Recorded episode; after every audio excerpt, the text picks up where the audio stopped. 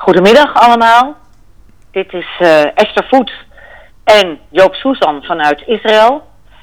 Dank voor het massaal luisteren naar de podcast van gistermiddag. Dat was toch een half uurtje zware kost, maar u heeft echt uh, in almas zitten luisteren. En dat betekent volgens ons dat u het belangrijk vindt om wat diepgravender nieuws achter de uh, nieuwskoppen van, die van minuut tot minuut verschillen, uh, dat u daar behoefte aan heeft. Dus we gaan vandaag met deel 2 aan de slag. En Joop, ja. jij, jij zegt iets over alarm waar ik het niet helemaal mee eens ben. Maar zeg even wat je, wat je, wat je net voor de opname tegen me nou, zei. Eh, als het luchtalarm mocht afgaan, dan uh, afhankelijk van hoe lang dat alarm gaat duren, gaan wij gewoon door. Um, ik ben in, uh, in een tel in de veilige ruimte. Maar uh, uh, ik wil ook, ja, de live experience is voor mij ook belangrijk. Dat mensen de indruk krijgen wat er hier zich afspeelt. Je zal ondertussen tijdens de opname ook regelmatig een, een piepje horen. Ting-tang, ting-tang. En dat betekent alarm op mijn telefoon. Dat laat ik aanstaan, omdat ik wil bijhouden waar het alarm op dit moment geldt.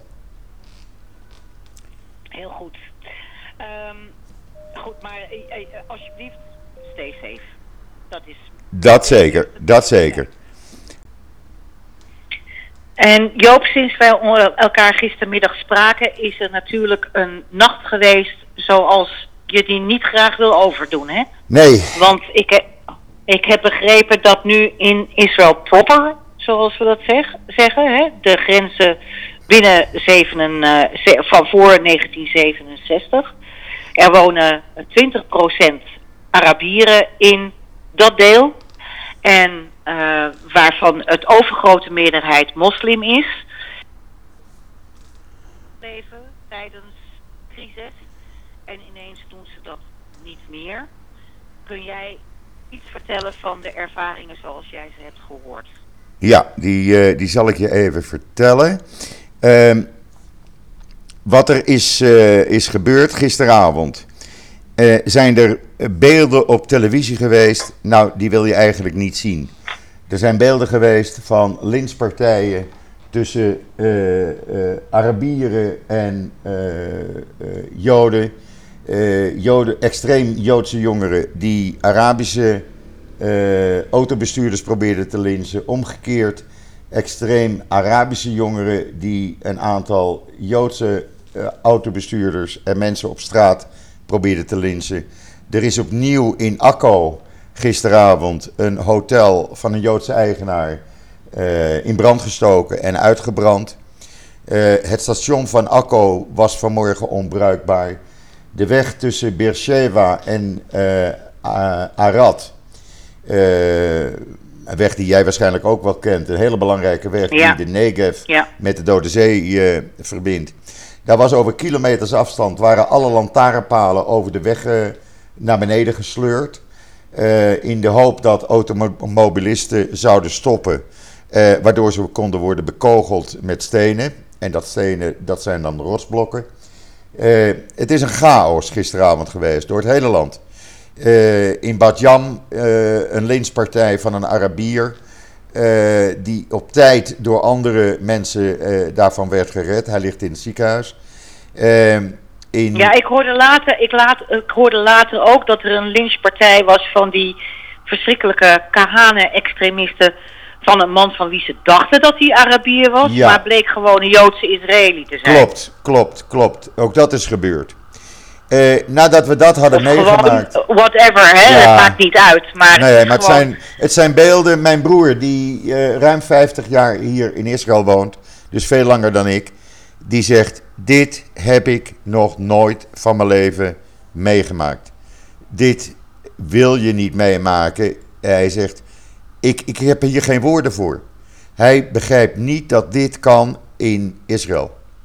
Het is eigenlijk wat wij zeggen: we staan aan de rand van een burgeroorlog. Ja, dat zei uh, president Rivlin vanochtend. Ja, als dit zo doorgaat, dan krijgen we een, uh, een burgeroorlog. En sowieso zal dit jaren duren voordat dit uh, geheeld is. Voordat de coexistentie weer is opgebouwd. Absoluut, absoluut. Alles wat we in de afgelopen jaren hebben opgebouwd, is in twee avonden kapot gemaakt.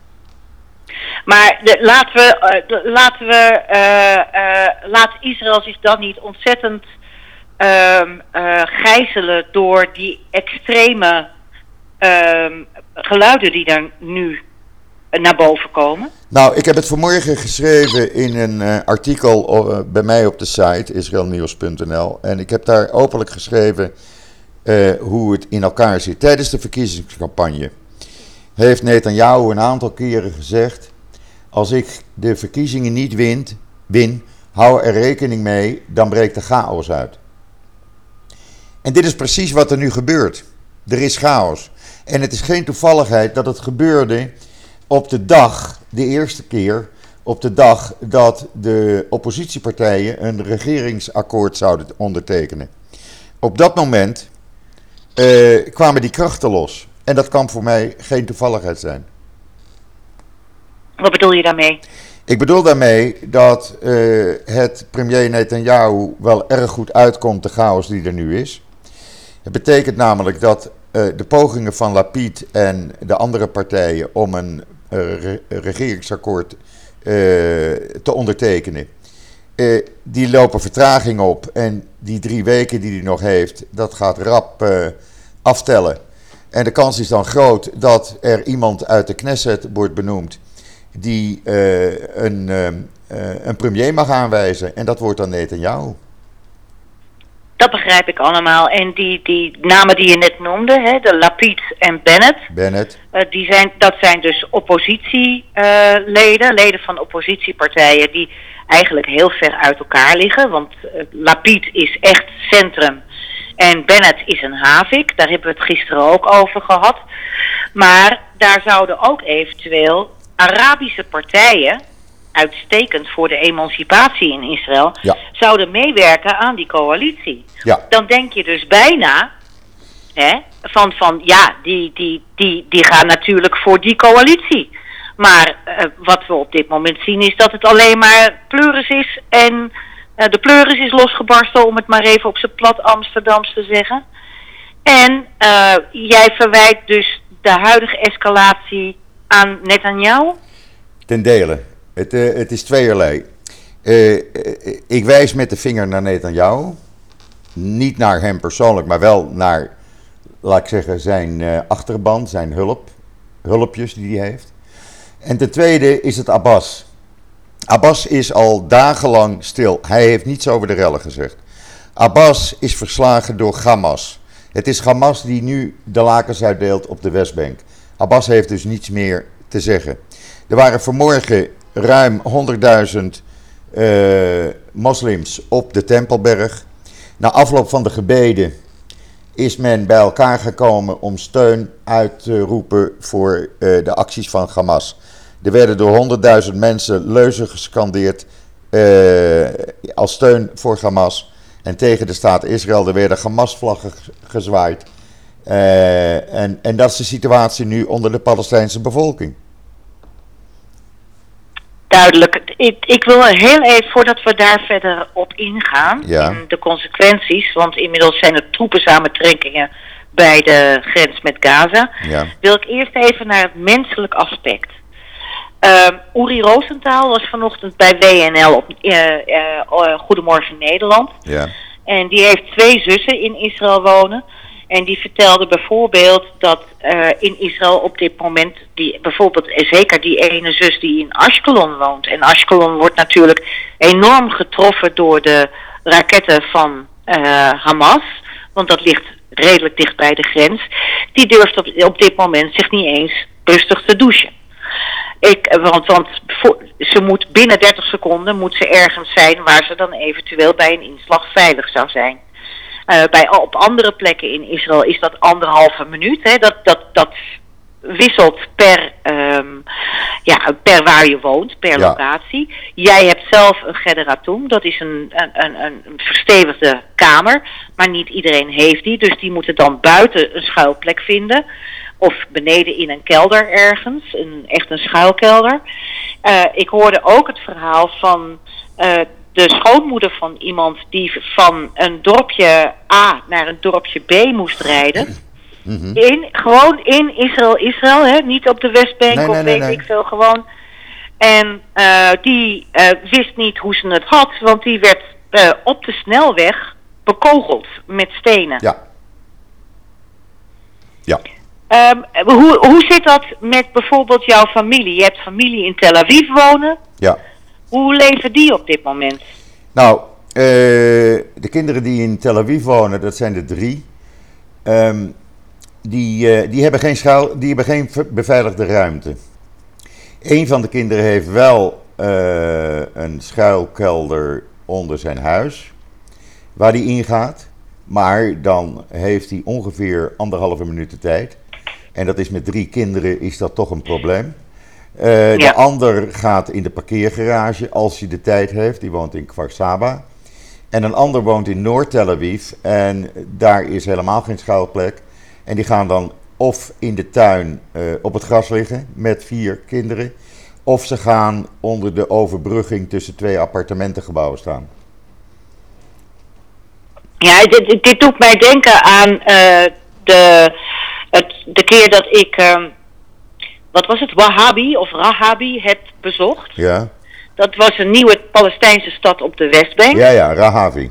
Ja, Rahavi, dat bedoel ik. Sorry, ik ben zo, zo slecht in naam. Ja, bij Ramallah. Maar in ieder geval, ik heb door die hele stad gelopen en het viel mij op dat inderdaad die huizen ook allemaal, die, die zijn nog geen tien jaar geleden gebouwd, dat die allemaal geen generatum hadden. Allemaal geen beveiligde ruimte zoals jij die ook hebt. Hè? Dat, is die, dat is dan geen schuilkelder, maar dat is een, ja, een, een, een hele goede ruimte waarin het een en ander te overleven is. Hè? Dat heb je ja, gisteren over verteld. Dat heb ik gisteren uitgelegd.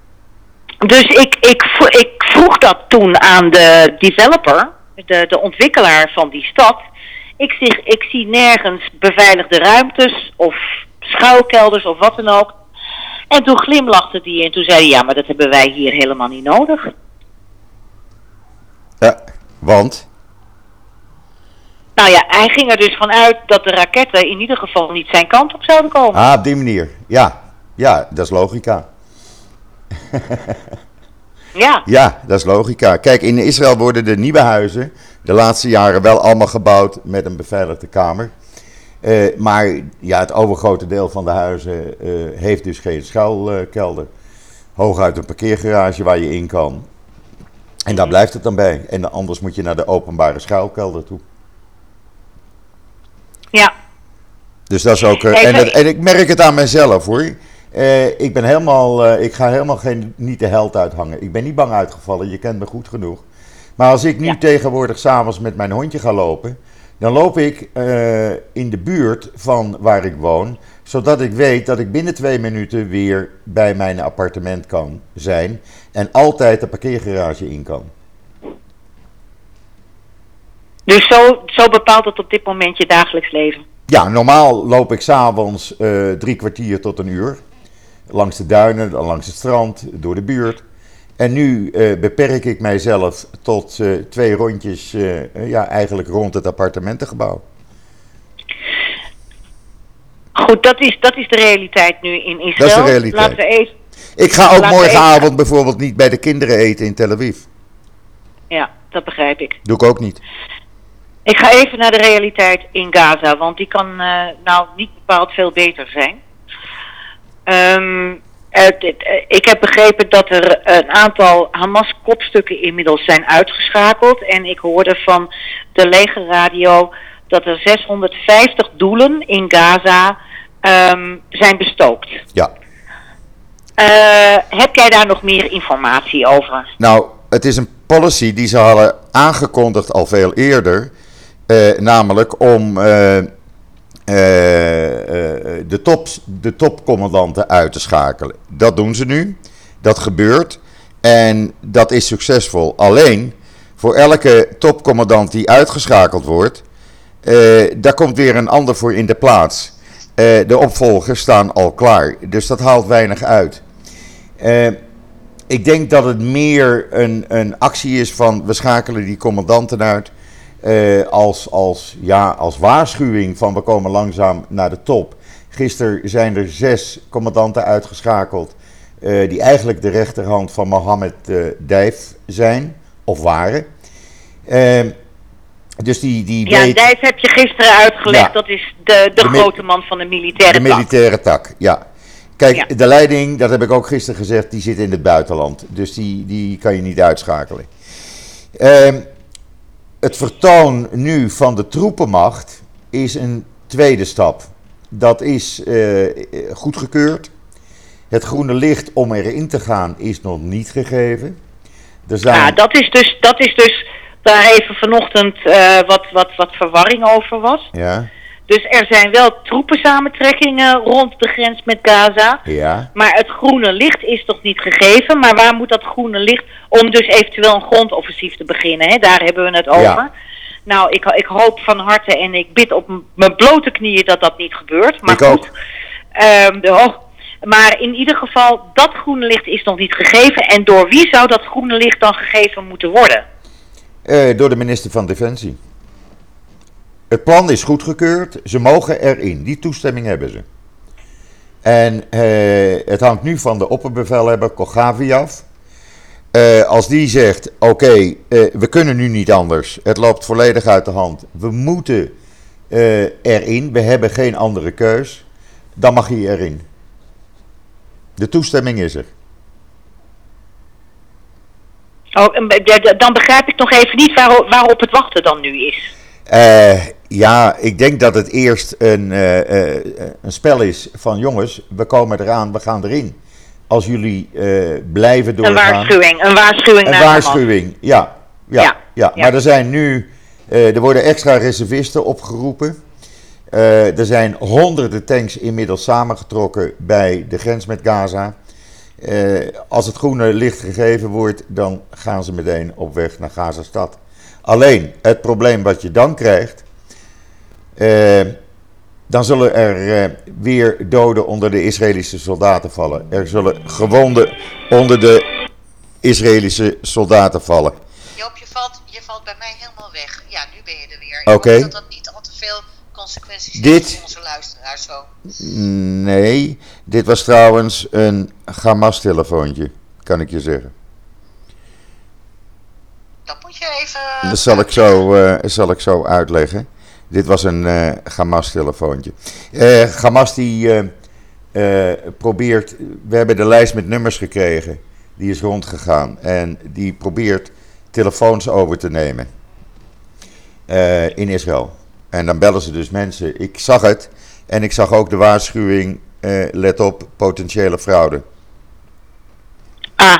Dus. Jeetje, Mina. Ja, ook, dat hebben, echt, uh... ook daar hebben we mee te maken. Ik heb een hele lijst met telefoonnummers waar vandaan gebeld wordt. En dat zijn dus uh, Hamas-sympathisanten hier in de Westbank. Dus het zijn Israëlische telefoonnummers.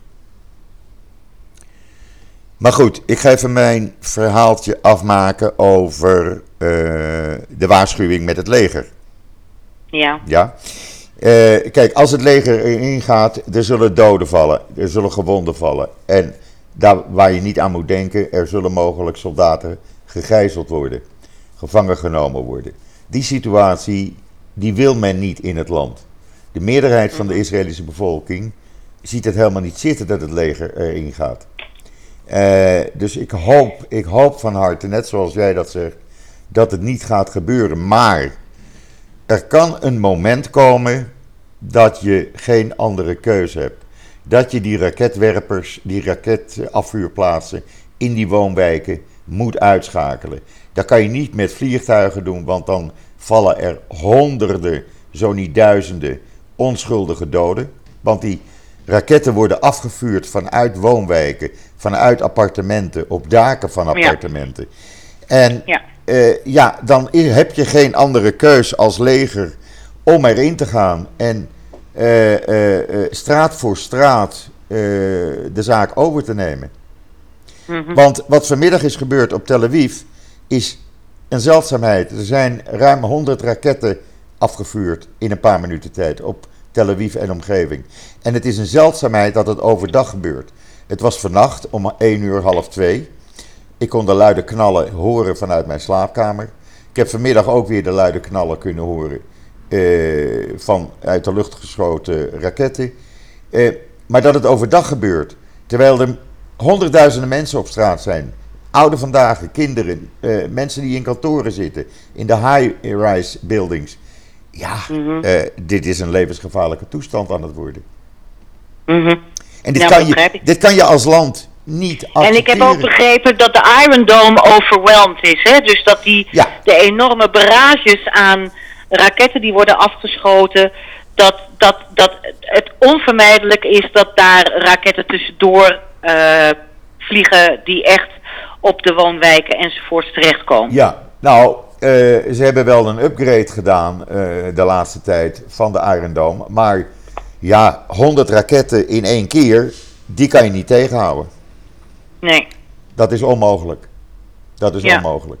Dus de ja, er vallen er altijd wel een paar door. Het geluk is wel dat er veel zelfbouwraketten tussen zitten. Dus die zijn, eh, ja, die zijn niet zuiver. Die vallen ook in Gaza zelf neer. En, eh, dat zijn En maken daar doden. daar maken ze doden die dan worden toegeschreven aan Israël. Ja. Wat er wel een verontrustend iets is wat vanmiddag is gebeurd, en dat eh, is een zeer verontrustend iets. Er is voor het eerst een raket richting Eilat afgevuurd. Die raket heeft een afstand van 250 kilometer overbrugd. En die kwam neer bij het vliegveld eh, van Eilat, Ramon Airport. En dat vliegtuig. Dat, dat is, dat, dat, dat is eh, het vliegveld, je bedoelt nu het vlie- vliegveld ten noorden van Eilat. eh, dat- Net ten noorden van Eilat. 20, Eilat. 20 Ja, kilometer dat is, buiten Eilat. dat is het vliegveld dat oorspronkelijk een, eh, een militair vliegveld was. Hebben we het daarover? Nee, het, zou een het is een internationaal vliegveld. Het is het nieuwe Het vliegveld. zou het nieuwe vliegveld zijn. Dat is het nieuwe ja. vliegveld. En Ja. het punt is dat omdat Ben Gurion Airport gesloten is, de weinige Ja. El Al-vluchten die nog binnenkomen naar Israël, die landen op Ramon Airport. Dus dat vliegtuig, Hmm. vliegveld werd ook een half uur afgesloten vanmiddag. En het feit dat ze nu Eilat kunnen bereiken, dat ze dat hebben. Ja, maar ze hebben, al, ze hebben een paar maanden geleden al eerder een raket eh, gehad die op eiland werd afgevuurd. Alleen wisten ze niet zo goed waar die vandaan kwam. Nee, maar deze kwam Die dus zou uit. niet uit eh, Gaza zijn gekomen, maar misschien uit Egypte of Ja, precies, anders vanaf, vandaan. vanaf de Sinai. Maar deze Ja. kwam dus uit Gaza en is dus één van die nieuwe precisieraketten die ze uit Iran hebben gekregen. Ja, want dat is natuurlijk de, de grote eh, boosdoener die hierachter zit. Hè? Daar, moeten- daar hoeven we ons, Ja. daar hoeven we geen, geen eh, ehm, eh, eh, sprookjes over te Nee, verzinnen. het is Iran Ik- en die, die heeft het touwtjes in handen. Ja, en er is natuurlijk ook, hoorde ik vanochtend ook, angst dat er ook een noordelijk front gaat worden geopend. Ja, die met angst is Hezbollah. er. Ja. Ja. Ja. En dat, dat kan elk moment gebeuren. Het hangt af van hoe Israël gaat reageren. Maar ik denk zelf, en dat, ik heb gesproken met een aantal mensen die daar wat meer verstand van hebben. Op het moment dat het leger Gaza in zou gaan, zou dat noordelijk front geopend kunnen worden. Ja, dus dat is ook nog een keer een duivels dilemma. Dan heb je een totale oorlog. Ja, Dan heb je een zoals we totale die oorlog. niet eerder hebben gezien. Ja. Nee, nee, nee. En wat Ik ik, ik gisteren ook zei, dan gaat de hele regio mee. Hè? Ja, daar gaat de regio mee. Ja, dat is duidelijk. Ik, het- ik wil even eh, gaan naar de situatie hier in Nederland. Want je begrijpt, als jullie daar eh, beginnen te piefpafvoeven, dan heeft dat onge- onherroepelijk consequenties voor hier. Ja. Ik heb een paar, ehm, uit eigen ervaring, een paar mensen, bevriende mensen uit de Marokkaanse gemeenschap en uit de Turkse gemeenschap met wie ik goed contact had. En ik zie nu dat dat contact ehm, veel moeilijker wordt. Ik hoop Mhm. dat ik ze vast kan houden. Mhm. Er zijn eh, vandaag, eh, heb ik net getwitterd, in eh, Amsterdam Zuid posters opgeplakt geplakt van eh Israel's Killing Children Again, Have a Nice Weekend, Free Palestine. Ja. Uh, die, die posters die uh, hingen eerder ook in Londen, zijn daar toen weggehaald. Deze zijn illegaal geplakt. Dus op uh, billboards hier in Amsterdam, die, die, waarvoor gewoon betaald is. dat is gewoon eng. Want dat is natuurlijk heel provocerend, omdat daarmee het Israëlisch-Palestijns conflict weer wordt geïmporteerd naar Nederland. Ja. Ik hoop ook dat de Amsterdamse gemeente daar iets aan doet en dat die, die posters verwijdert. Uh, daarnaast hebben wij hier ook de waarschuwing gekregen van hou rekening met. Doe even, ben, even, ben even wat alerter dan normaal. Ik Ja. zal verder niet eh, ingaan op de details. Nee. Maar het heeft ook te maken met dreigementen vanuit het buitenland. En ehm, dan, dan, dan hebben we ook nog een ander ding, eh, Joop. Ja. Eh, dat zie ik hier in de media. Eh, er verscheen vanmiddag een uitstekend artikel van Hanna Lude, directeur van het CIDI, in een Nederlandse krant. Ja. Waarin ze uitlegt hoe dat nou precies zat met die vier gezinnen die worden uitgezet. Ja. Waar alles mee begonnen was, zogenaamd. Ja. Dus het is al, wat dat er gaat, een totaal achterhaald ding.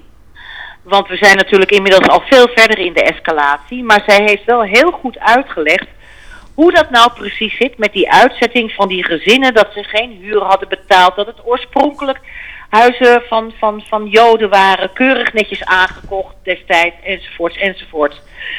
Dus dat heeft ze goed gedaan. Maar weet je waarin ze het moet publiceren? Nou. In het, reformator in het Reformatorisch Dagblad. Ja. Die nemen dat, het, met alle respect voor het Reformatorisch Dagblad. Ja, maar dat wordt niet gelezen. Maar precies, dat is een heel klein lezerspubliek. Ja. En dan denk ik, jongens, als dit nou duidelijk wordt uitgelegd, feitelijk wordt uitgelegd, waar is trouw? Waar is de Volkskrant? Waar is NRC? Waarom staat zo'n artikel, terwijl ze wel allerlei andere anti-Israël ook vanuit de redactie zelf uh, publiceren. Waarom moet dan zo'n stuk uiteindelijk gepubliceerd worden bij het Reformatorisch Dagblad? Ja, dat begrijp ik, ik heb nou het ook zelf. Nee. Ik heb het zelf meegemaakt destijds in 2014 toen ik directeur van het CIDI was. Toen gebeurde het ook. Je mocht echt God op je blote knieën danken als de kranten die ik net noemde uh, iets van je wilden publiceren. Maar kijk, dat zeg ik ook. Het gaat niet alleen zozeer om zaken die gepubliceerd worden. Het gaat ook, en, en, en de toon waarop, het gaat ook om wat niet gepubliceerd wordt. Precies. En ik vind, ik vind dit dus echt een voorbeeld. Ja. En het, het, um, ik heb weinig tot geen contact met Sidi, maar ik vond dit wel een prechtend voorbeeld van hoe het op dit moment in Nederland in zijn werk gaat. En wat dat er gaat, ben ik erg blij met bijvoorbeeld een omroep als WNL. Absoluut. Laten we wel zijn. Absoluut. Jij, dat is echt een omroep die een ander geluid laat Ja. horen over dit conflict. En uh, Uri Roosentaal zat daar vanochtend ook. Jij zat er ook. En dan denk ik, er is godzijdank nog een tegengeluid Ja. op NPO 1. Nou, ik kan je zeggen, morgenochtend zit ik er weer. Nou, dat is super. dat is erg fijn. Dus- dat, dat, maar dit, dit is wel iets wat wij ons in Nederland moeten afvragen. Nou ja, ik denk ook Esther. waarom, waarom, waarom, is de, waarom is de vijver zo ontzettend klein geworden? Oh, voor je Wa- hondje. Wacht even, ja, wacht even. Ja. Ik moet even.